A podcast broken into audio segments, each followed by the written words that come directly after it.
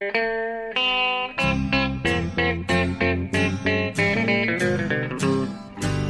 out there, we're on the air. It's hockey night tonight.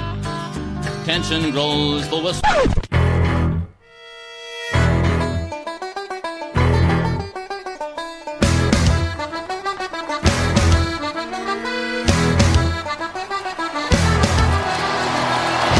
That'll do. The Boston Bruins will play for the Stanley Cup.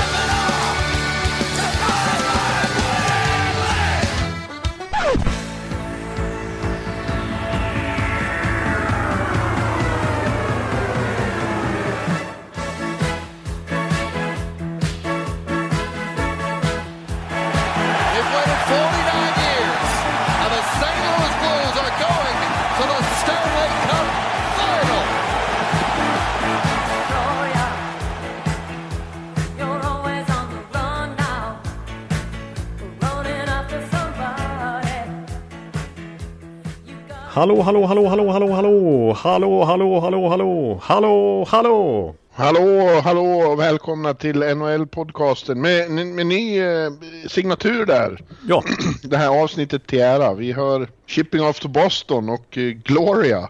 De två låtar som väl eh, nu eh, utgör soundtrack till eh, slutklämmen av Stanley Cup-slutspelet och NHL-säsongen 2018-2019 exakt. De har ju blivit, Shipping Off to Boston är ju eh, sedan länge etablerad Boston-hymn.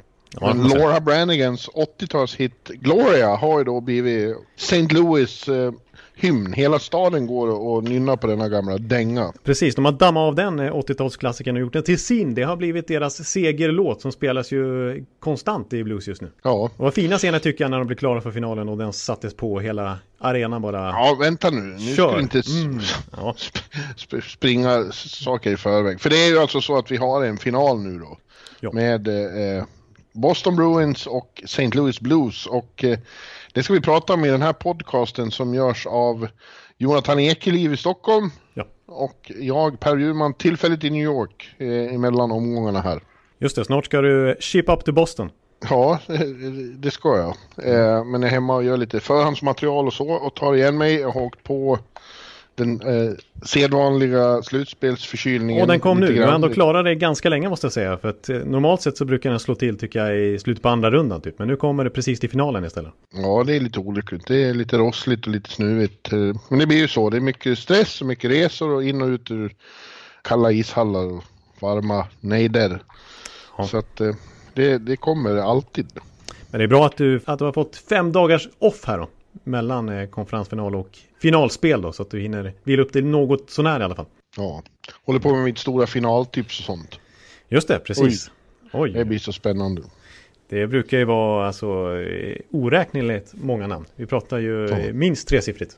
Ja, ja. Nej, jag har inte min. Det har aldrig varit i närheten av fyrsiffrigt. Femsiffrigt. Ja, nej. Ja. 25 000 namn Ja, i ja. en enkät. ja, men det är väldigt många i alla fall. Det är det. Och du som sagt, du sitter i Stockholm på redaktionen. En lugn fredag. Ja, precis när vi spelar in det här så är det fredag precis. eh, Det har gått några dagar, vi har hunnit smälta konferensfinalerna men det är samtidigt ett antal dagar kvar först till natten till tisdag när det smäller till på allvar här med Stanley Cup-finalen. Brakar igång. Så det är en lugn eh, fredag så jag kan göra det här på arbetstid.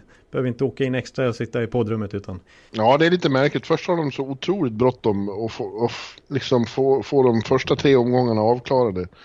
Men sen andas NHL ut och, och låter det vara final i flera veckor och det är massor med dagar mellan matcherna och sånt. Det är i och för sig uppskattat så att det inte blir först, men, men eh, ja. Jag brukar ju klaga på att de har för bråttom så jag skulle inte säga något nu. nej, nej precis. Nu, nu, nu, nu lyssnar de på det för en gångs skull. Ja. ja, men du, vi har alltså Boston som ju svepte Carolina. Det var vi väl, det klarade vi väl av det mesta av redan förra veckan, eller hur? Ja, alltså i princip i och med att det stod 3-0 i matcher då. Och eh, Ja. de skulle precis spela den fjärde och vi såg inte något annat framför oss än att ja, vi trodde att det skulle bli en svepning till och med, men att eh, Boston definitivt skulle ta sig till final i alla fall. Det hade vi i princip avhandlat redan då. Ja, och det blev så. De, de vann även den fjärde matchen, fullbordade sin sweep och var med det underliga grenen i slutspelsträdet där ju bara var sweeps. Ja, precis. Den, den kedjan förlängdes. Ja, mycket märkligt. Islanders sveper Pittsburgh, blir själva svepta av Carolina som sen blir svepta av Boston. Det kan ju aldrig ha hänt, den eh, underliga utvecklingen. Nej, precis. Att vi ska tippa då att St. Louis sveper Boston. Fan, fan vad du eh, hastar fram i, i... Ja, jag drar Idag. bara slutsatser här. Det, det, det, enligt den logiken så är vi ju redan klara. Liksom. Men jag tror vi kanske kommer fram till lite annat också. Ja, ja och eh, mellan eh, St. Louis och San Jose då så blev det till slut eh, 4-2 till eh, St. Louis. De avgjorde i Game 6 hemma i Enterprise Center. Som mycket riktigt var i extas häromdagen. Jag var, jag var på plats och eh, hörde så mycket Gloria så att det inte var klokt åt det. Nej, jag förstår det. Jag förstår det. Jag måste ju fråga hur, hur, du, alltså hur många plus stämningen får med tanke på att du var inte så imponerad av eh, San Jose. Du, du sträckte dig till två plus där i, i Shark Tank. Medan du har ju upplevt både NASA Ja, och tre. tre plus. Tre satt jag väl. Ja, okej, men Ja, nej, men eh, i St. Louis så eh, får man väl sätta eh, det är mellan fyra och fem faktiskt. I synnerhet i, slutet av den matchen då var det, då var det euforiskt i, ett, i en stad som inte har det så kul till vardags. Det är en, en ruffig och sliten stad, St. Louis, med många problem och, och eh, taskigt på idrottsfronten. De blev av med sitt NFL-lag här om året, eh, flyttade till Los Angeles och eh, Ja. Blues då har ju aldrig vunnit. Eh, de är den äldsta organisation som finns, ett av expansionslagen från 67. ja. Eh, det enda från det som inte har vunnit någon cup. Eh, och de var i final, underligt nog, tre år i rad där i, i, i Ja, skiftet direkt. mellan Ja, 60, precis. ja, 68, 69, 70 var de i final och blev svepta alla tre gångerna. ja. Sista gången, kuriöst nog, av Boston Bruins för Just 49 det. år sedan. Precis, den ikoniska bilden på Bobby Orr togs ju då när han flög genom luften. Ja. Efter att ha gjort en kasse och var fullständigt, fullständigt överlägsen i den finalserien. Ja. ja. Och in the end så var det ju aldrig något snack eh, i den matchen där mot San Jose och det berodde ju på att Sharks, eh, ja, de, de gick ju sönder. Eh, de, det var för mycket skador till slut. De, de tvingades ställa upp utan Erik Karlsson, utan Joe Pavelski, utan Thomas Hurtle. Ja, precis. Och det är ju ändå lite för mycket för att man ska klara av en konferensfinal i underläge redan. Ja, Det gick inte och det var ju nästan plågsamt att se Erik Karlsson i match 5, den viktiga hemmamatchen för Sharks, när de, som de torskade alltså med 5-0. Eh, när, när han eh, satt och kved i princip Ja. på, på bänken hade så ont i ljumsken. Så att, det, var, det började, ja, det var ju hela, hela slutspelet har han ju haft besvär. Ja, Men det blev allra tydligast eh, redan i match fyra så spelar han ju mindre och mindre. Det var ljumskarna helt enkelt och, och ljumskar går inte och, och det märktes ju på skridskoåkningen och som när han var tvungen att vända och det var ju faktiskt eh, Oskar Sundqvist var ju väldigt tydlig med det när vi pratade med honom att eh, de visar ingen nåd. nej. Utan de såg att han hade så ont så såg de till att han fick vända så mycket som möjligt. Ja, ja det är klart. Det, man agerar så i, en, eh, i så viktigt skede som motståndare. Men eh, tråkigt för Erik och tråkigt för Sharks som ju gick så hårt för den här säsongen. För det är ju en liten all-in-satsning genom att ta in Karlsson här. Kanske sista året för Joe Thornton, jag vet. Eh, och så Ja. kan, får, får du liksom inte chansen att få ut max av honom. Ja, nej, visst var det så. Eh, och det, här var, det kändes som att hade de varit friska och, och på topp, då hade de haft en väldigt bra chans, det tror jag. Ja, ja, ja. Ja, du eh, unge man, så nu har vi vår final. Det är efter åtta månader och, och tusentals matcher så är det 29 lag borta, two standing. Och de heter Boston Bruins och de heter St. Louis Blues. Ja. Och eh, vad tror vi om det då? Unge man. Ja, precis. Nej, det, det som är intressant eh, är väl att jag tycker att det är lite Boston West som möter original-Boston här alltså. Eh, Ja, för som Peter Bohr konstaterar, San Jose-tränaren, så är det de två tyngsta lagen som går hit. Eh, tyckte han. Så det är ju liksom lite liknande filosofi på de här lagen och uppbyggnad och spelar karaktärer. Eh, faktiskt. Eh, och det kanske låter lite, inte liksom så 2019 när, när man pratar om speed och skill, att det är två tunga lag. Men riktigt så är det ju inte. De har ju även den formen av eh, spelartyper och idé i sig. Men de har ju också den här tyngden och den här strukturen och den här pressen och ja, de är ganska kompletta som lag skulle jag vilja säga. Ja, vi, lite är det ju ändå att vi går tillbaks eh, till big boy hockey faktiskt. Ja. Efter några år när eh, det framförallt har varit kvicka possession-lag Ja. som inte har varit så fysiska som har eh, haft framgång. Det går ju i cykler det där och, och de som vinner sätter i allmänhet tonen så det, det är väl, eh, finns väl eh, en möjlighet att ja, det här kommer att bli mer eh, Ja, kommer influera ligan något år här nu. Men som du säger, det är ju samtidigt inte som att det är eh, Kings 2012. Eh, Nej, precis. De, de, de, de kombinerar ju den sortens, eh, som du säger, tyngd och, fysik eh, och styrka med, med större kvickhet. De skulle ju faktiskt, det är väl förmodligen så att de här två lagen skulle ändå åka från några av de lag vi kallade snabba för fem år sedan. Ja, faktiskt. För jag menar, visst i Bostons fall så är det fortfarande Bergeron och Marchand och så vidare. Men till skillnad från när de vann där 2011 och när de var i final 2013. Så det är ingen Milan Lucic utan det är en David Pasternak istället. En Marcus Johansson istället för en eh, eh, Sean Thornton. Ja, Så att eh, det är ju, det är ju, det är ett modernare hockeylag där.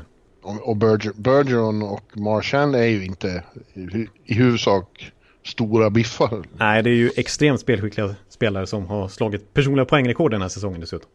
Ja. ja, men det är ju lika i St. Louis. De har ju Tarasenko och eh, den sortens Jaden spelare. Schwartz. Ja, men de är samtidigt ja, de, de tyngsta och hårdaste kallar han dem. Ja, och jag skulle vilja säga definiera det här med tyng, tung hockey att möta. Det är det här med att man inte får någonting gratis som motståndarlag. Att Ja, man, man har en väldig struktur, man köper sin spelidé fullt ut och man exekutar den 110%. Man ligger på motståndarna konstant. Man minimerar utrymmena på isen. Det är jobbigt att möta. Det är en tung hockey liksom. Mördande. Det är mördande. Ja, precis. Det är verkligen mördande. Ja, Där kom det. det är det. Eh, och det känns ju som att det kommer att bli, eh, just för att de är väldigt lika varandra så är det väldigt svårt att, förutse vad som kommer att hända. Ja. Eh, det, men, men vad man, det kommer förmodligen att bli en satans clash alltså. När Ja. de här två naturkrafterna brakar samman. ja, precis. För de är som sagt, de ger varandra väldigt lite tid med pucken liksom. Och nu, Ja. nu möts de samtidigt med liknande filosofier. Så ja, precis. Det, vi får se om matchbilden blir avvaktande eller om det blir som du uttrycker det, en clash liksom. Att de kör in i varandra lite grann. Ja, ja det, det blir spännande att se på måndag. För då får vi också se hur, hur Boston som ju då, precis som de övriga lagen som svepte där, har fått gå och vänta väldigt länge. Det kommer då ha gått 11 dagar sedan de spelade senast. Om man då inte, förlåt, förlåt förkylde Per. Om man inte ska räkna in den scrimmage de hade igår i TD Garden inför 17 000. Det var fullsatt på en, Ja. på en träning. Det var imponerande. Ja, Ja, men det gjorde ju även Columbus till exempel körde ju en eh, sån scrimmage eh, inför 5000 då, vilket man tycker var mycket. Efter att ha svept Tampa, men de, eh, nej, de kände sega i början av sin Boston-serie där. och grejen är att är man för seg i början, då kan det plötsligt gå fort. Det har ju flera fått lära sig nu. Då ger man bort momentum lite grann. Eh, och eh, det finns väl statistik på att typ de sex senaste åren så har det lag som fått vänta längst inför Stanley Cup-finalen förlorat. Och är det typ de 13 av de 16 senaste åren, jag har inte exakta siffror, men någonting sånt. Det är en extremt övervägande siffra så att det är negativt att behöva vänta inför en finalserie. Ja, man får vänta för länge. Det är nog bra att ha några dagars återhämtning efter tuffa serier. Ja. Men att gå så här länge, det, det verkar inte vara något lyckat alls. Nej, det förstår du ju själv. Ja, det är det precis. Man, man hinner ju komma bort lite från det här tempot och pulsen och den, det flowet framförallt som man har byggt upp. Ja. Ja, det blir spännande att se. Men du, tänkte vi skulle väl ta och titta på lagen lite mer ingående då. Lagdel för dagdel. En klassisk analys eh, från eh, bakåt och framåt upp i line-upen så att säga. Ja, om vi börjar med målvakter då så är det ju två... De, man kan gott säga de två bästa målvakterna i årets slutspel. Framförallt i Boston då som ju har Tukarask. Och eh, he, hetaste Conn Smythe-kandidaten när vi går in i finalen. Ja, det får man ändå säga så. Vi har ju hyllat han flera veckor i rad nu, men alltså han står på 94 procent. Och har hisnande siffror i vilken kategori man än tittar på. Eh, Och som vi säger, Conn Smythe, han är ju liksom MVP så här långt. Jämförelsevis med, med Binnington så har han liksom lite bättre siffror i allting. Men det är framförallt en kategori som jag har fastnat för där, där Toka är förkrossande överlägsen. Och han en fantastiskt fin siffra totalt sett oavsett vem man jämför med. Han är alltså på skott från inre slottet, alltså precis i närheten av mål där är, man normalt sett har en ganska låg räddningsprocent, för det är ju jättesvårt att hålla uppe räddningsprocenten eh, i sådana farliga målchanser. Det är han, det är han 87% i, medan Jordan Binnington är 78% i. Så det säger ju lite grann om kvaliteten på Tuukka Rask just nu. Ja, Ja, och, och man ser på honom när han, han är liksom så inne i sin, i vad de kallar the zone. Han är så, så extremt lugn och säker och sprider trygghet omkring sig och pondus och hamnar överhuvudtaget sällan i situationer där han måste göra så våldsamma saker. Nej, det är sant. Samarbetet med liksom hela Bostonlaget och Rask funkar ju extremt bra. För det är som du säger, de kommer ju inte till så enorma lägen motståndarlagen heller. Det är ju inga extrema tv-räddningar han tvingas göra, utan han tar ju allt han ska ta och kanske lite till. Liksom. Ja, ja så där, där är det ju fem plus liksom, på, på den posten. Men jag tycker även att eh, på andra sidan står det en, ett unikum också då. Jordan Binnington. Mm. Som eh, knappt någon hade hört talas om när säsongen började. Och eh, är ju rookie uppe i åren. 25-årig rookie. Ja. Men har ju, han har på något vis fått symbolisera eh, vändningen på Blues säsong. Han och Bruby, coachen. Ja. När de var sist och, och de har burit dem ända vägen till final. Det är ju helt fantastiskt. ja, det är historiskt på alla sätt. Även han har ju det här eh, extrema lugnet faktiskt. Det, eh, eh, jag såg ju alla matcherna här mot Sharks. Och imponerades just också av hans lugn. Att eh, utstråla ett extremt självförtroende. Ja, precis. Och, och han, det ska man ju komma ihåg också. Att han är ju verkligen, det är som du säger, han är ju rookie liksom. Han har aldrig varit med på den här nivån tidigare och ändå så är han så totalt avslappnad ser det ut som. Eller i in the zone heter det väl snarare. Alltså han är naturligtvis fokuserad. Ja, men till exempel bara scenerna när de, när de vinner och säkrar den här Stanley Cup-finalplatsen. Det är knappt så han jublar utan han ser redan fokuserad ut på nästa uppgift. Ja, Alltså, ja han, han har så mycket självförtroende så somliga blir rent av provocerade av honom. Att han inte tycks förstå hur stort och viktigt det är det han håller på med. Exakt, för det är många reportrar som frågar han så här, du, alltså Jordan, du, du, du, du är Stanley Cup-final, alltså bara liksom hela säsongen nu, jag förstår det, ni, ni har klättrat från sista platsen. Och han bara, yes, yes, yeah, I'm not nervous, this is... Det är bara en hockeymatch. Ja, exakt. Det är samma sak som att stå i AHL liksom. Ja. Fortfarande hockey. Men eh, det är ingen snack om att han är första målvakt och, och extremt skicklig och eh, ja, har ju gett dem, på den posten har ju Blues haft problem i många, många år. Eh, Ja. Det har varit där, bland annat därför de aldrig har lyckats ta det avgörande steget. Men, men nu har de en, en, en tiotaggare till Morris. Ja, precis. Och han kommer i bra form. Alltså han är 91% jämfört med Tucka som är nästan 95% i det här slutspelet. Men han avslutar den här Sharks-serien väldigt starkt. Alltså, de senaste 77 skotten han fått på sig så har han räddat 75. Han kommer in med självförtroende igen. Ja, det kan vi vara helt säkra på. Han kommer att vara helt lugn på tidig garden på måndag. Ja, precis. Så att, nej, jag skulle säga 5 plus eh, ändå för, för Boston som sagt. Och sen så en stark fyra faktiskt på Binnington. Ja, så skulle man nog kunna beskriva det. Ja, ja på backsidan då. Eh, där är ju två strålande enheter i, i båda lägren. Ja, där känns det också jämnt. Där har jag lite svårare faktiskt att utse en tydlig vinnare. Jag Ja. tycker båda är bra liksom. Det är stabilt, homogent. Ja, ja verkligen. Det är, det är svårt att peka på något eh, direkt så här. Oj, eh, vilka Norris Trophy-kandidater. Nej, det, det, Det är det visserligen. men det är en väldigt sammansvetsad enhet på båda, på båda hållen som verkligen håller ihop och, och som du säger inte ger motståndarna någonting. Nej, precis. För om vi inte bara fokuserar på själva namnet så just spelsystemmässigt så funkar ju försvarsspelet i båda lagen fantastiskt bra. Släpper till väldigt få heta målchanser. Duktiga på att spela sig ur egen zon. Och en Det väldigt är, inte tilltro. bara, det är inte bara backarna då förstås. Nej, det är klart. Det är en, he- hela, hela enheten på isen så att säga. Ja. Men, eh, men ändå. Men de har ju, visst det finns kvalitativa backar. Jag tycker det är liknande kvalitet som sagt spelar materialmässigt här med i Boston med McEvoy som ju är även en blivande Norris-kandidat åtminstone på sikt. Med liksom Brandon Carlo, väldigt stabil. Eh, Tory Krug, Chara förstås då som ju är spelklar igen till Stanley Cup-finalen. Eh, jag tycker båda har en varsin liten offensiv joker i sitt tredje backpar. I, Boston så är det Matt Gruselsic som faktiskt svarat för sju poäng i det här eh, slutspelet. Och i St. Louis är det ju Vince Dunn som också har stått för sju poäng lite i skymundan. Ja. Eh, som är lite sådär mönsterbrytare. Och eh, ja, nu spelar han ju inte på slutet utan Carl Gunnarsson kom in istället. Men de, de har ju... Bortuzzo visade ju plötsligt att han är... är Gamebreaker. ja, en, att det bor en liten Erik Karlsson i honom. Ja, han gjorde Man eh, inte kunnat tro. konferensfinalens snyggaste mål. Ja. Ja, eh, som sagt väldigt jämbördigt där. Jag vet inte om man sätter 5 plus på båda eller 4 plus på båda. Ja, precis. Ja, det kanske ändå blir 4 plus alltså. eh, Skulle jag säga. För det, det saknar den här extrema spetskompetensen tycker jag. Men det är väldigt homogent som sagt. Både Ja, sådär. Så ja det är möjligt. 4 plus. Ja, offensivt på, på forwardsidan då, där eh, är det ju också rätt så jämbördigt och eh, tämligen identiskt också. Men eh, jag skulle vilja hävda att eh, Bruins har eh, den vassaste första kedjan. Den för, första kedjan är ju bäst i världen. Ja, det finns ingen anledning att argumentera mot den eh, på något sätt. Den är ju eh, komplett på alla sätt och vis. Den har alla ingredienser och är ju i stor form nu också. Det var ju de som gjorde alla fyra mål till exempel i den fjärde sista matchen i konferensfinalen mot Carolina. Ja, vi pratar Brad Marchand, Patrice Bergeron och eh, David Pasternak.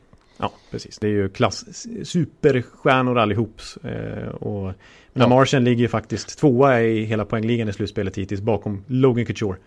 När de, när de är i verkligt eh, slag och får lite utrymme och tid, då är det, då är det godnatt för de flesta. Nu är det bara frågan hur mycket tid och utrymme de kommer att få här. Det kommer att bli minsta, kommer att bli svåraste uppgiften hittills för dem.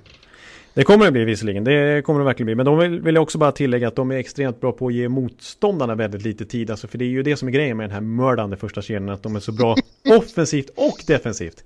Att Ja. om, man, om man kollar på börsen, jag var inne på det redan inför konferensfinalen vi gjorde preview där, men jag måste nämna det igen, för det var ju samma sak här mot Carolina. Alltså i första rundan då matchades han mot Tavares. Eh, I andra rundan matchades han framförallt mot Panarin. Och i tredje rundan så var den forward han mötte mest Teuvo Terveinen. Och de tre stjärnspelarna i respektive lag var inne på två mål totalt. Sammanlagt alla tre ihop mot Bergerons kedja på, vad blir det, 17 matcher. Så att det är hopplöst att matchas mot Patrice Bergeron. Ja, vad som krävs då är ju att eh, rollspelarna lägre ner i hierarkin kliver fram och båda de här lagen har ju haft väldigt bra förspänt på den fronten. Eh, hos Boston är det framförallt Marcus Johansson och Charlie Coyle-kedjan. Ja, ingen dålig Som- tredje kedja. Nej. Och hos, hos Blues är det fjärde kedjan i, i första hand. Ja, alla kedjor, men, men den som har imponerat mest på slutet är ju Ivan Barbashev och de två svenskarna Sunken Sundqvist och Alex Sten. Ja, och det är ju, de är ju på pappret en fjärde kedja men eh, det är ju svårt att kalla dem det med tanke på att i deras i sin tur avgörande match, Game 6 där, så var det de som spelar mest. Oskar Sundqvist kom ju upp i mest istid av alla forwards i laget. Ja, Så att eh, snacka om att få förtroende som fjärde kedja då. ja eh, men det där är ju helt avgörande för laget som ska gå långt. Att, att de har den där, eh, Bredden. vad ska vi kalla det? Det där fenomenet i, på, på forwardsidan att, att eh, kedjor som, som inte hör till dem på pappret eh, vassaste Nej. går fram och blir vassa i alla fall. Ja, precis. Och producera. Jag tror de gjorde, gjorde de mål i alla matcher, eller i alla fall fem av sex mot San Jose, den fjärde kedjan. Alltså. Det är ju nästan unikt, tycker jag. Otroligt snyggt mål i San Jose när Sten slår pucken bakom ryggen till Sunken. Ja. Eh, de kan ju lira också. Precis. Men som sagt, mm. Boston, har- Boston har ju också det, men eh, de eh, får väl eh, the edge i den här jämförelsen just tack vare sin första kedja. Och även om det är inget fel på Swartz som är glödhet och gör så otroligt mycket mål. Tarasenko som tycks ha kommit igång. Ja, absolut. Som gjorde ju åtta poäng i den här konferensfinalen faktiskt. Eh, Ja, mest- och de har ja. Ryan O'Reilly i andra kedjan som är, är eh, nästan Bergeron-klass på. Ja, precis. precis som Bergeron nominerat till Selke Trophy då, som ligans bästa tvåvägsforward. Så att, Mhm. Apropå liknande lag alltså. Det är många Ja. karaktärer också som liknar varandra spelmässigt. Så att, men som du, jag håller med dig där, det känns ändå som att Boston har en liten, liten edge alltså. Och det är så viktigt för dem att ha fått den här bredden som de inte haft de senaste åren. Eh, När de inte fått produktion från annat än första kedjan. Jag menar, förra årets slutspel av om man plussar ihop, jag har satt och eh, matematiskt suttit här med miniräknare och plussat ihop alla poäng som gjordes av Boston i, eh, i förra årets slutspel. Och då kom man fram till att 45% av alla poäng stod första kedjan för. Medan den här säsongen så har de stått för 30% av alla poäng i slutspelet. Så det är en enorm skillnad. I den här serien mot Carolina så gjorde alla 17 spelare som spelade alla fyra matcher poäng. Alla 17 gjorde poäng. Så att de har ju en verklig bredd, alltså både på backsidan och forwardsidan. Men jag hävdar att även Blues har det. Alltså. Ja, ja, om du tittar på kedjorna, det, det, det är ju Sammy Blaze, visste inte jag vem det var för, för några månader sedan. Men eh, han har ju definitivt eh, blivit ett vapen. Han- Perron har en ny vår. Maroon är bra. Robert, Thomas. är Mm, väldigt... Ja, Väldigt bra. Eh, De får ju peta en sån som Robbie Fabry till exempel. ja, bara en sån sak. Så att, ja, absolut, jag håller med om att eh, St. Louis, och det har jag ju tyckt hela tiden. Jag, i, när vi previewade Sharks-serien så sa jag att de har inte en enda svag länk i line-upen. Utan de har Nej. bra spelare överallt. Eh, Så att absolut, det är jättebredd eh, här också. Man skulle kunna argumentera för att de har en liten edge på den här fronten också, Blues alltså. Men eh, nej, jag håller med dig där att man får ändå landa i att första kedjan i Boston är något utöver det vanliga. Och att Ja. det skulle kunna fälla avgörandet faktiskt. Special teams då? Ja, ja där är det ju, där måste man ändå säga Boston alltså. Ja. Även om St. Louis kom igång. Ja, men i, i, länge var St. Louis powerplay ett riktigt, eh, ett riktigt frågetecken. Ett riktigt aber. Ja, ett 20-tal eh, raka PP utan mål här i slutspelet. Men som du säger, precis på slutet kom de igång och, och eh, blev riktigt eh, effektiva i powerplay. Det berodde väl delvis på att eh, Sharks sackade, säckade ihop också. Ja, inte klara av att upprätthålla samma frenesi i boxplay liksom. Medan Bostons powerplay, ja, det är ju bara att bocka och buga. Ja, det är ju också mördande. För det har ju... Då får ju de, då får ju de ytor och, och tid, den här, de här spelarna vi har pratat om. Plus att man kan lägga in en Tory Crew eller en David Krejci till exempel. Krejci som ju har fått en liten ny vår i karriären också. Han har ju faktiskt gjort mer poäng än Bergeron. I det här slutspelet Ja. hittills. Så det är, han är ju riktigt bra han med. Eh, I Carolina-serien så gjorde de mål på nästan 50% av alla PP de fick. Och en väldigt slående statistik som jag måste nämna också är att de behövde i snitt 6 sekunders eh, innehav av pucken i offensiv zon innan det small till och de gjorde mål.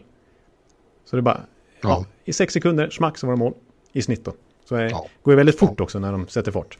Ja, eh, men du, jag antar att du har tagit fram siffror på penalty killen också. Ja, jag har dem faktiskt framför här. Eh, och där är det ju klar fördel Boston också.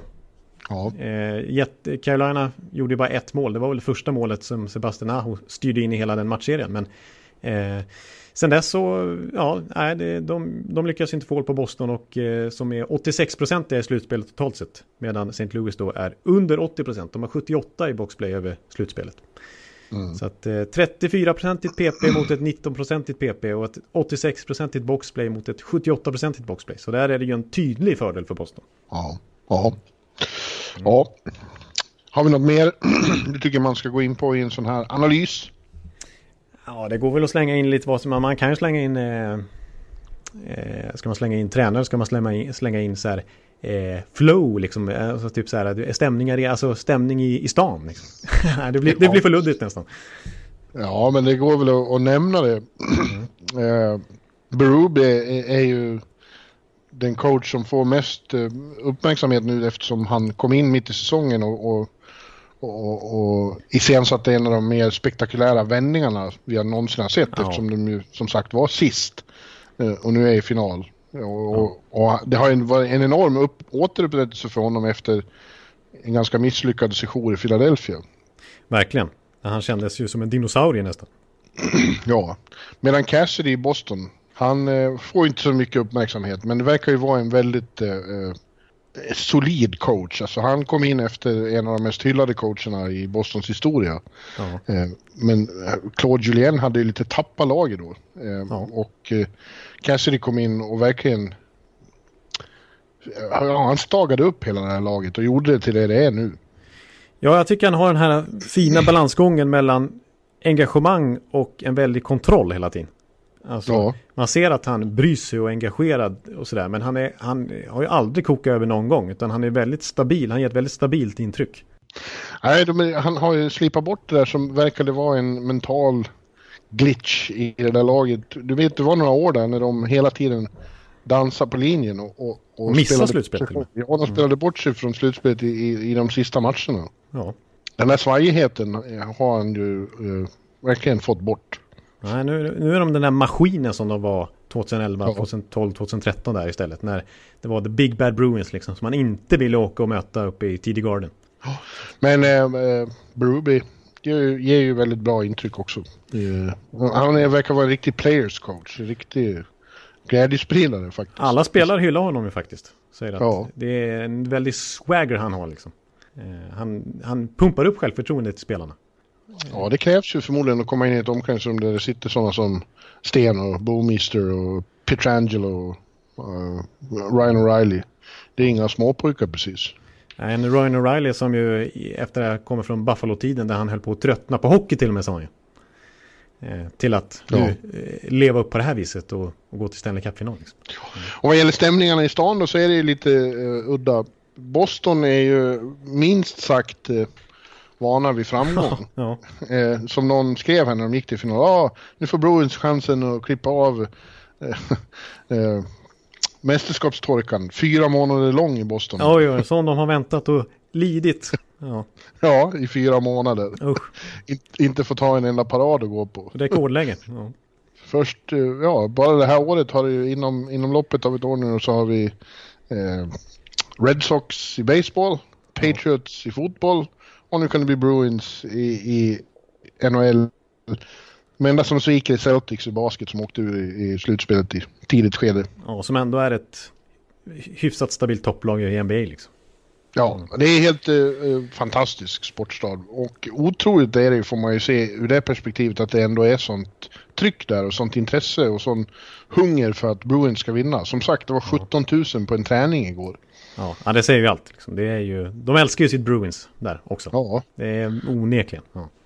och det blir, det, de piskar upp, det blir otroligt tung stämning. Så det påminner lite om varandra i, i TD Garden och Enterprise Center så tillvida att båda lagen heter något med ett utdraget U i. Ja, så det blir precis. väldigt tungt när, när publiken skriker Bru, Let's go Bruins och Ja, och Let's go Boo varje gång en viss målvakt räddar. Ja. Ja. Eh, medan då som sagt i St. Louis så har eh, Blues aldrig vunnit och de har inte varit i final på 49 år och eh, där, eh, det var rätt... Emotionellt. ja, det var väldigt emotionellt efter de hade vunnit, både på publiken och sen när man kom ner, det var väldigt mycket alumni där i, i korridorerna och inne i omklädningsrummet. Brett Hull stod med drinkar och, och grät. Ja, precis. Och, och sådana karaktärer. Som man har förstått så är det många alumni som har valt att bo kvar efter karriären i St. Louis och faktiskt trivs Ja, det i den där ruffiga stan. speciellt. Ja, man ser bara downtown när man är där som besökare och undrar hur det går till. Men de har det uppenbarligen väldigt fint utanför stan. För som sagt, det är väldigt gott om, om före detta bluesspelare. Chris Pronger dök ju upp där på eh, Ja, Game det. 6. Eh, Och eh, verkar vara så att blues är den eh, klubb han har starkast känslor för. Ja. ja, det är ju... Det var där han spelade längst. Det är, ju- precis, och det är ju kul att se med tanke på att jag menar, de har ju faktiskt bara missat slutspel nio gånger trots att de aldrig har vunnit eh, sen 60-talet och sen de kom in i ligan.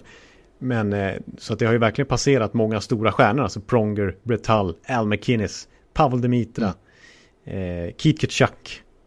Alla de där var där när jag var där första gången, i 99.00 när jag var och hälsade på min kompis Rickard Persson som ju spelade där då. Det var min första riktiga eh, eh, smakprov av NHL-livet. Just det, det måste ju varit då som Mark Bergevin hånade dig då, gamla bluesbacken.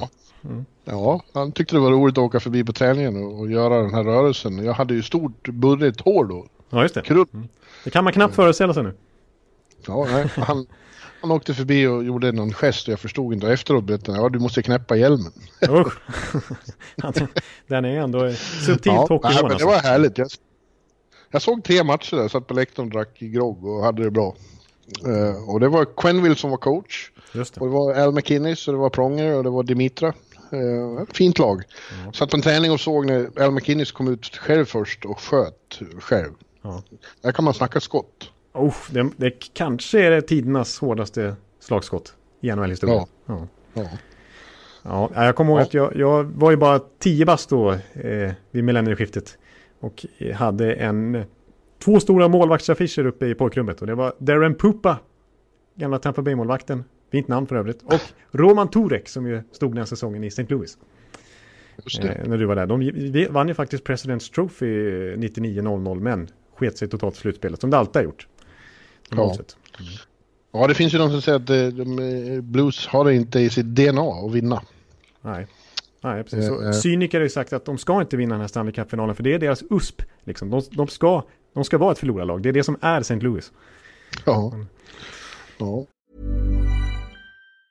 Say hello to a new era of mental health care.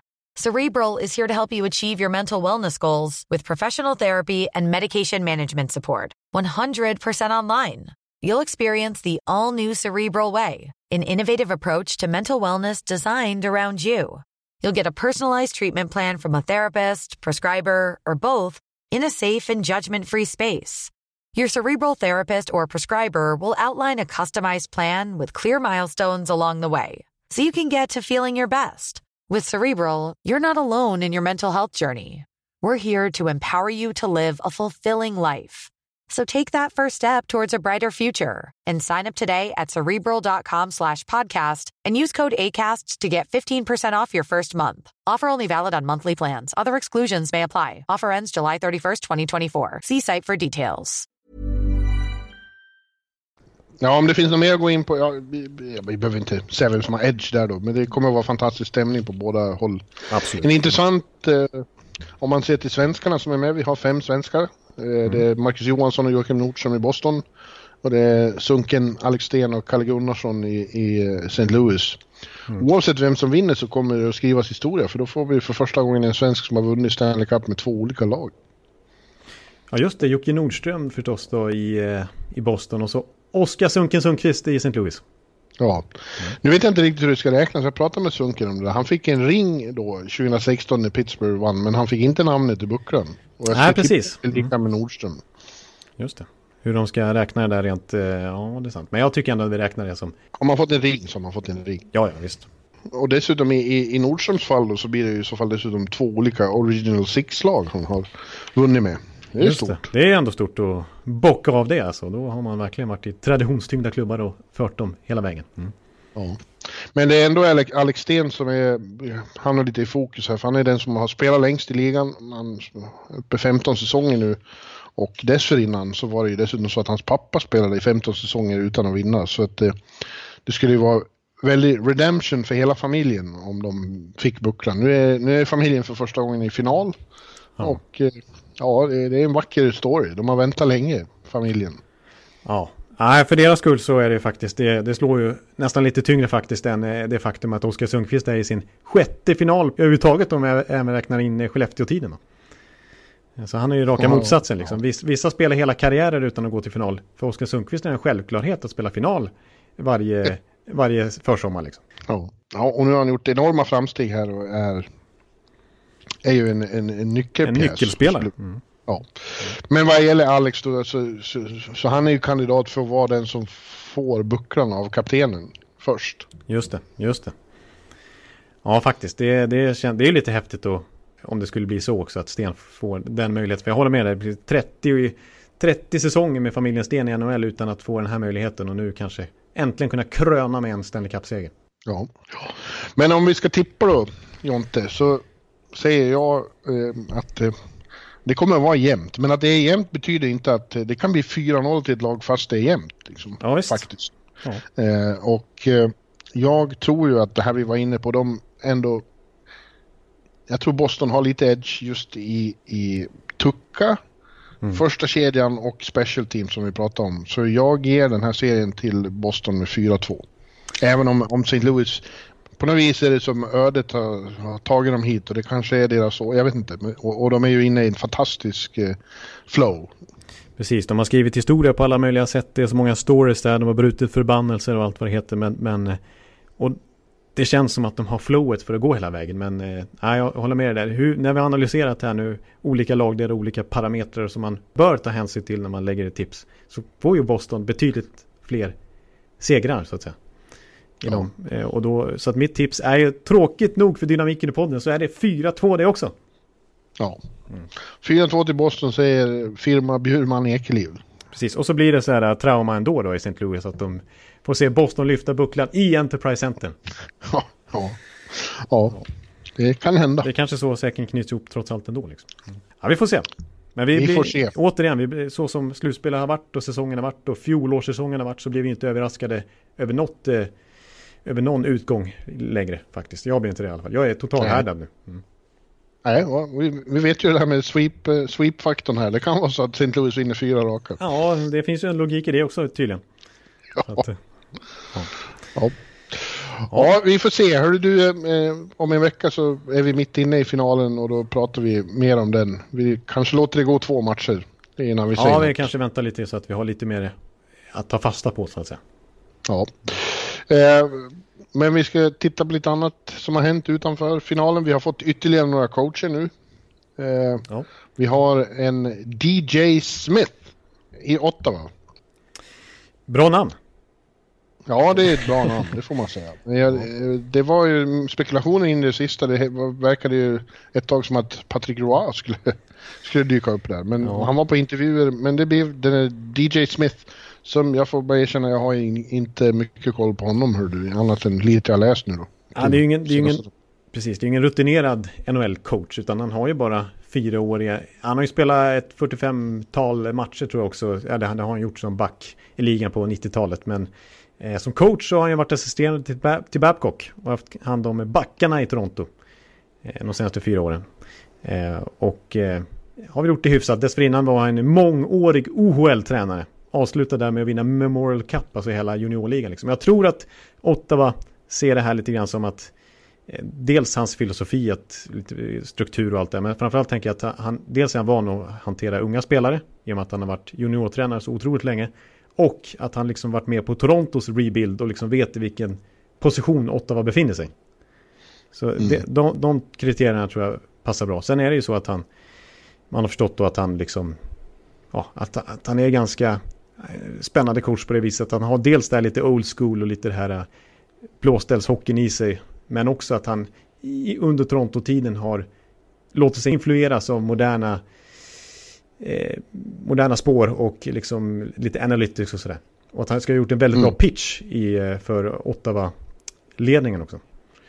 Så att eh, de blev väldigt imponerande, bland annat inkluderande analytics och sådär. Så att han är ganska mångsidig och så ska han vara en lustig kurre också. Jaha. En, en rolig person. Mm. Ja, det kan behövas någon som underhåller i Ottawa för det har varit dåligt med det. Precis, jag tror ändå att det passar bättre med DJ Smiths lite sådär äh, lättsamma karaktär än med typ Patrick Russ, totalt instabila, lite maniska stil.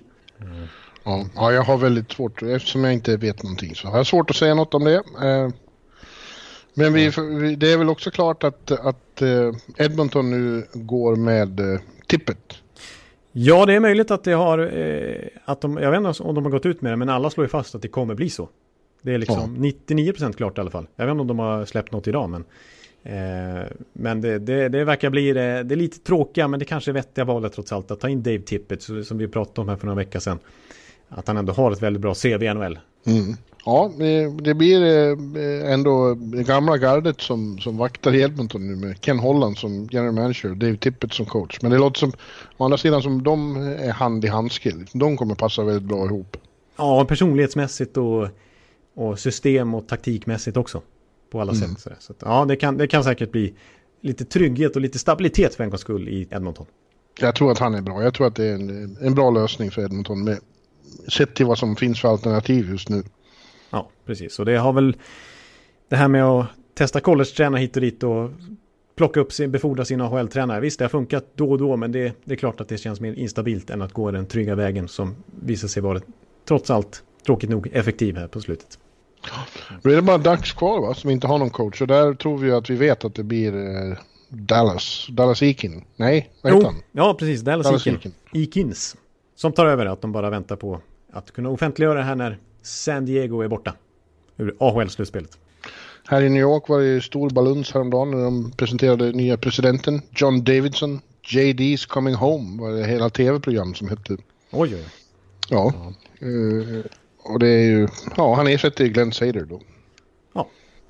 Eh, Och, ja, Ja, ja, det var vi inne på lite förra... åsikt. Ja, Precis, men det är, ja, jag, eh, jag slår ju fast återigen att jag tror att det är ett bra namn, att han är en stabil organisationsbyggare. ja, precis. Det tror jag också. Eh, eh, sen börjar det röra sig lite nu med som sagt 29 lag borta. Det börjar spekuleras mycket nu om, om eh, spelaraffärer och vi närmar oss så småningom Free Agency. Det kommer att bli en väldigt spännande Free Agency. Ja, Eh, många namn. Många, Ja, det är. Och, och inte minst många fina svenska namn. Med Erik i spetsen då. ja. Förmodligen har vi väl sett honom i, i sista matchen i Sharks tröja. Jag tror inte att han blir kvar där. Nej, det känns inte som det. Eh, och när han blev intervjuad häromdagen så eh, i deras, vad, vad är det vi kallar det för, exit Ja, eh, interviews. exit day. exit day liksom. Så, Mm. ja, då lät det som att han såg fram emot den här sommaren att, att han nått den här positionen. Att han faktiskt är UFA för första gången i karriären och kan se sig om efter vilket alternativ som han tycker passar bäst. Ja, Så att han kommer garanterat att, eh, visst det finns det kanske en liten chans att han fortfarande skriver på för Sharks, men han kommer att vänta tills han har möjlighet att bli intervjuad av övriga klubbar också som anmäler intresse. Så att så kommer det bli. det blir ju jävligt spännande såklart att följa och se. En ny Tavares-soppa. Ja. Ja, det ju- det, blir, det, blir, det, blir det ju inte. Nej, det blir ju inget att svek. och... och Nej. nej. Jag kommer inte bränna Karlsson-tröjor här när han byter. Men det blir ändå den här, den här stora apparaten kring en övergång. Alltså med, han, han kanske, precis som Tavares, eh, låter klubbarna pitcha för honom och så vidare. Ja, säkert. Men det finns ju några, jag vet ju inget, absolut inte, men, men eh, det går ju rykten om, om både det ena och det andra. Och de lag man hör mest om är Rangers och, och Lightning och eh, Vegas, även om Vegas börjar klinga av nu, de har inget utrymme längre. Nej, de, de gjorde väl sitt val i form av Mark Stone liksom. Lite grann. Eh, Ja, att eh, lägga men Tampa, på. eh, det, det alternativet vägrar dö. Det pratas mer och mer om att, de, att Erik skulle vara villig att jobba med Tampa och att de, eh, de är beredda att, att, att ta bort andra för att få plats med Erik. Vad säger en Tampa Bay-supporter som du om detta? Jag är ju märkligt tyst nu liksom. Jag borde ju jubla åt att Erik Karlsson, om han skulle komma till Tampa liksom. Och Ja. jag tror ju att Erik vill faktiskt till Tampa. Det säger jag inte i egenskap av Lightning-supporter utan att han faktiskt ju är så pass bra kompis med Hedman och eh, det finns ju skattefördelar med att bo där. Det är ju väldigt bo- skönt klimatmässigt överhuvudtaget också. Och i den här All Star-helgen så blev man ju väldigt tjenis med Stamkos och Hedman och med materialförvaltarna där och allt möjligt. Eh, Ja. Och uttrycks väldigt positivt om klubben och staden. Liksom. Eh, Men ja, det är verkligen så att då måste man spränga lite delar av bygget ganska ordentligt. Om det ska bli möjligt. Eh, för att Tampa sitter ju redan lite, redan innan eventuella UFA-förstärkningar så har man lite råddigt att få ihop en, få in en Braden Point under lönetaket och nästa år är det Andrei Vasilevski och Anthony Cirelli, Mikael Sergace som alla ska ha ansenliga löneförhöjningar. Så ska man klämma in Så 10 du tycker att de ska, du tycker de ska hålla sig borta från Erik? Ja, ska de ta in Erik då måste de, ja, då, då, då måste de på något sätt lyckas få iväg Callahan, vilket de naturligtvis vill, men det är ju kanske lättare sagt än gjort. De måste få bort eh, ja, JT Miller, Tyler Johnson, Ondrej Palat, åtminstone Strålman? Strålman, eh, Coburn, Girardi och så här är ju tog bort där då, naturligtvis. Eh, så att eh, det kommer vara en eh, väldigt, alltså det kommer vara typ 5, 6, 7 spelare som tjänar nästan hela, alltså som upptar en enorm del av lönekakan och sen så kommer det krävas eh, att bredden verkligen presterar maximalt med låga löner. Du vill inte det här, det hör man ju. Nej, jag tror att det, jag, jag tror inte att det är en, en, en sund approach under löntagseran att lägga för mycket pengar på enskilda spelare. Vi ser nu till exempel i lagen som har gått till Stanley Cup-final att de, de har, jag menar i Bostons fall, vem tjänar mest? Typ eh, Pasternak eh, eller Bergeron, eller Marchand är det väl kanske på 6-7 miljoner. Medan i Blues fall så är det väl Tarasenko på 7,5 miljon. I Tampas fall skulle det vara fyra spelare som tjänar över 8,5 miljon. Eh, och då räknar jag inte in Braden Point som också ska ha den typen av lön. Så att det är skitsvårt att få ihop det breddmässigt om man ska lägga allt, allt på spetsen. Ja, Men jag tycker Rangers är är ju logiskt på det viset att de har ju löneutrymme. Mm. ja. Ja, men du, vi får se. Det finns ju fler på den där eh, Free Agency-listan som är väldigt spännande. Eh, Panarin ska vi se vad han tar vägen. Duchene. Eh, Joe, pa- Joe Pavelski. Eh, det är inte hundra att han kommer tillbaka till San Jose heller. Ja, San Jose sitter ju en, inför, ja, men de gick ju verkligen all in nu. Eh, Mm. Och nu är sitter de med lite problem här faktiskt med, med inte bara Erik Karlsson och säger Joe Pavelski dessutom, lagkaptenen som ju gärna vill stanna naturligtvis, men också lite sur på Dog Wilson för att han inte aldrig liksom har öppnat några kontraktsförhandlingar om en förlängning för att Dog Wilson har ju velat hålla lönetaksdörren öppen för en förlängning av Karlsson. Och därmed inte ens pratat med Pavelski om att förlänga. För han kommer ju kosta mycket han också. Sen då Joe Thornton, ska han ens fortsätta karriären? Gustav Nyqvist blir ju UFA här. Jonas Donskoj, de har massa RFAs som ska ha höga löner. Timo Meyer till exempel. Ja. Så att, eh, mm. Ja, det är gott om svenska faktiskt på den här listan också. Det är som du säger Gustav och det är Strålman och det är Kronvall och det är... Mackan Johansson. Ja, Mackan Johansson Ja, oklart.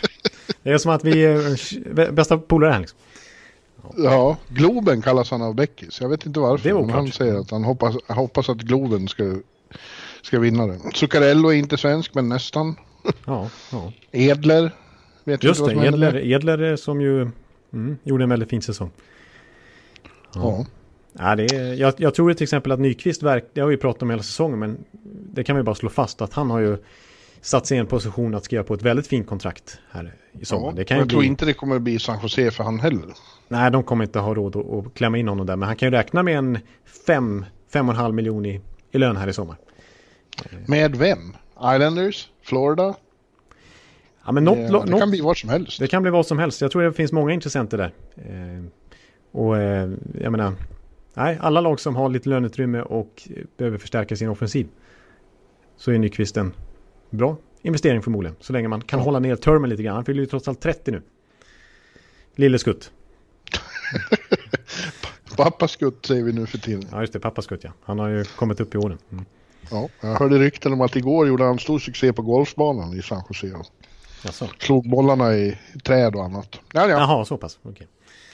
Robin Lehner ska vi också se vad som händer med, hörde du. Det är inte säkert hundra, han har ju stärkt sina aktier enormt. Och det kommer vara fler än Islanders som är intresserade. Det kommer det garanterat vara. Jag tror ju att han har liksom funnit sig så väl utanför isen också i New York och ute på Long Island där så att han gärna stannar. Men visst, han har ju höjt sitt marknadsvärde så otroligt markant så att eh, han kommer, kommer ju kunna välja och vraka bland, bland bud liksom. Ja. Så att eh, det kan bli så att han flyttar på sig också. Ja, det är som du säger, det finns ju hur många namn att diskutera som helst. Eh, Men det, vi kanske får eh, flytta fram det till sommaren. ja. Helt enkelt, med vidare spekulationer. Men, Men du, det, det spekuleras ju redan om lite trader också. Phil Mm. Kessel verkar vara på väg bort från Pittsburgh.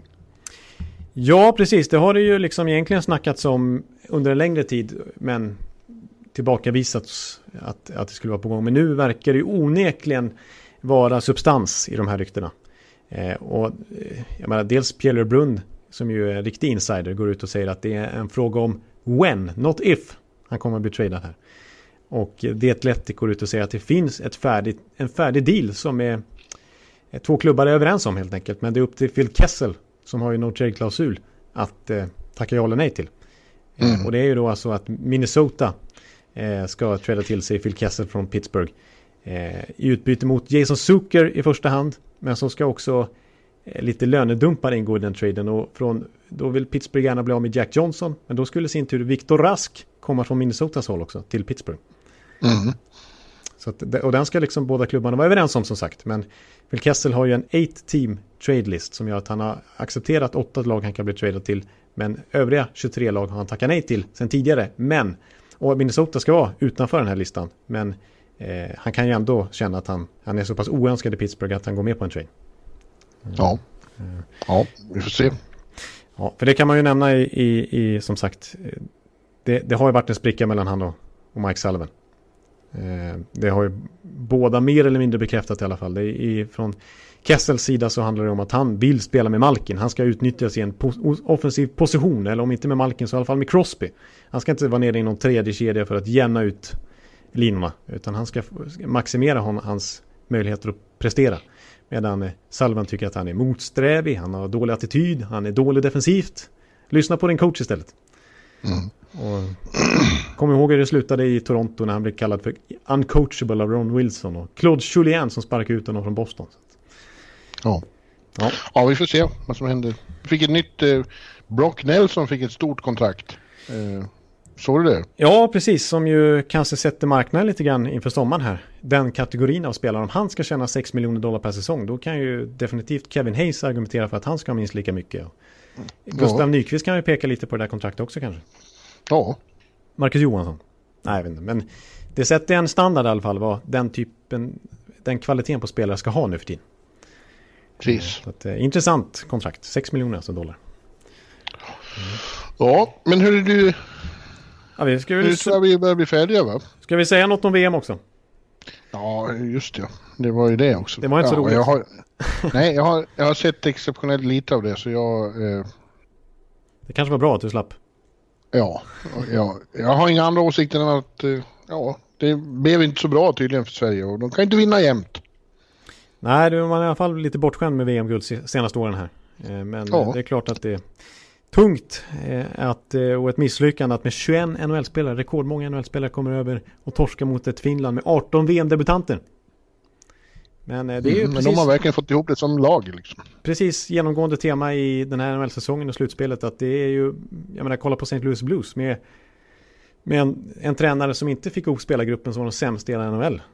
Med en annat ledarskap som var de bäst, en av de bästa lagen i NHL och gått till Stanley Cup-final. Så det, vad man gör med sitt spelarmaterial är ju helt avgörande. Man kan inte bara titta på pappret. Eh, Och det Nej. bevisar Finland. Ja, det säger jag ändå inte som... Eh, rätt så många mejlare försöker med mig nu och säger att jag är idiot som överskattar NHL och NHL är inte så bra. eh, jag, jag tror inte man kan dra den slutsatsen Nej, det- det kan man verkligen inte. matcher i ett VM. Nej, verkligen inte. Man kan absolut inte dra för snabba slutsatser. Jag tycker, om man tittar på VM i stort här så tycker jag att det är några NHL-spelare här som har stärkt sina aktier inför nästa säsong. Jag tänker på en, William Nylander fick ju verkligen en upprättelse efter sin jobbiga år här eh, rent på isen här efter att ha fått så mycket kritik efter de utdragna löneförhandlingarna. Kliver in och liksom tangerar dubbel Nisse Nilssons poängrekord sedan 1962. Ja. Men jag, jag vill eh, stämma i bäcken. Jag tror inte vad som händer i VM gör varken till eller från eh, i särskilt hög utsträckning för spelarna. Det är vad de gör i NHL som räknas. Precis, och vi ska komma ihåg att VM har ju en låg status i NHL, i Nordamerika ska jag säga. Alltså Ja. det är ju knappt så att eh, media där tar det på allvar. I USA skrivs det inte ett ord om det. Nej. Eh, Om man, ska man se på tv så är det den obskyra NHL-kanalen man får titta på. Precis, så det säger, säger lite grann om vad, hur mycket det påverkar ens NHL-karriär vad man presterar i VM egentligen. Ja. Så det, är väl inte, inte så mycket faktiskt.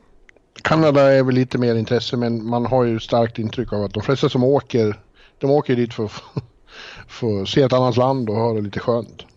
Ja, precis. Det ser man ju på USAs attityd till exempel till de här VM-turneringarna. De kommer ju ofta in med en väldigt eh, vek inställning. Och det känns ju som att det är Ja. mest det att de vill åka till Europa och ha en lite semester helt enkelt. Precis.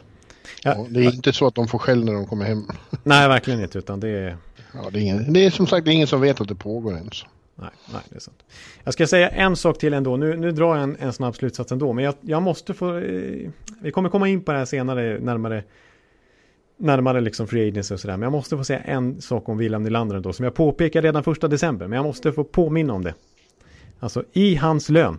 Alltså jag, jag tycker att det är ett så tradebart kontrakt där som luktar trade långa vägar. Trots att han har blivit lovad av Kyle Dubas då att han ska stanna. Eh, men alltså från första juli när han får en ny bonus utbetalad på 8,3 miljoner dollar så har 45 procent av hela hans lön över de här sex åren som kontraktet var skrivet på betalats ut. Mm. Så att bara hälften återstår på fem år. Eh, det jag menar för sådana här lag som Carolina och Anaheim till exempel som har en intern budget. Eh, så eh, om men som har löneutrymme så är en cap hit på 7 miljoner inga större problem. Men att betala 7 miljoner faktiska dollar är lite jobbigt. Men eh, återst- återstående av kontraktet liksom efter första juli här det är 5 miljoner, knappt 5 miljoner dollar i snitt i faktisk lön som man betalar ut från klubbens sida. Och det skulle ju vara guld för, för den typen av lag som inte riktigt har råd med det annars kanske. Så jag, jag, jag, jag, utesluter verkligen inte att William Nylander trots allt blir tradad här. Om någon månad. Nej. Nej. Ja, spännande. Ja, men du nu måste vi sätta punkt här. Jag måste ringa upp några fler legendarer och höra hur de tror det går. Precis, finaltipset ska fortsättas jobbas på. Ja. Ja, Men då, nu har ni våra tips i alla fall. ja vi får väl säga så. Vi tror, att eh, Boston, vi tror båda att Boston tar det här i sex matcher. Eh, och eh, så kommer bucklan till Skåne och till eh, Tyresö. Just det, just det. Då får jag, det är ju närheten av där jag bor så då kan jag åka och kika lite på den. Och, Ja, Sådär. det tycker jag du ska göra. det jag. Ja, men du, då- då tackar vi för den här veckan och eh, eh, vi återkommer som sagt med eh, mitt under finalen och, och se vad som har hänt. Ja, precis. Det blir mycket spännande. En, eh, vi önskar en första trevlig Stanley Cup-finalvecka fram till dess. Yes. Adjö. Hej! Hallå, hallå, hallå. Hallå, hallå, hallå. Alex Chiazot, Joe Luis Arena och Esposito. Esposito. Uttalsproblem, men vi tjötar ändå. Och alla kan vara lugna, inspelningsknappen är på. Bjuder Hanna Kohl, han är grym i sin roll. Från Kållesoffan har han fullständig kontroll på det som händer och sker. Det blir ju allt fler som rattar in hans blogg. Och lyssna på hans podd. One, two, time, speed, so Hallå, hallå, hallå. One, two, time, speed, so Hallå, hallå, hallå. Ekeliv, som är ung och har driv. Verkar stor och stark och känns allmänt massiv. Han hejar på Tampa och älskar Hedman. Sjunger som Sinatra. Ja, och det ser man. Nu är det dags för refräng. Dags för magi, Victor Norén. Du är ett geni. Så stand up at home and remove your hats. Höj volym, för nu är det plats. One, two, time, speed, so Hallå, hallå, hallå. One, two, time, speed, so Hallå, hallå, hallå. One, two, time, speed, so Hallå, hallå, hallå. One, two, time, speed, so Hallå, hallå, hallå. Det är otroligt länge sedan båda samtidigt var så här bra. Hallå, hallå, hallå. Det är otroligt länge sedan båda samtidigt var så här bra.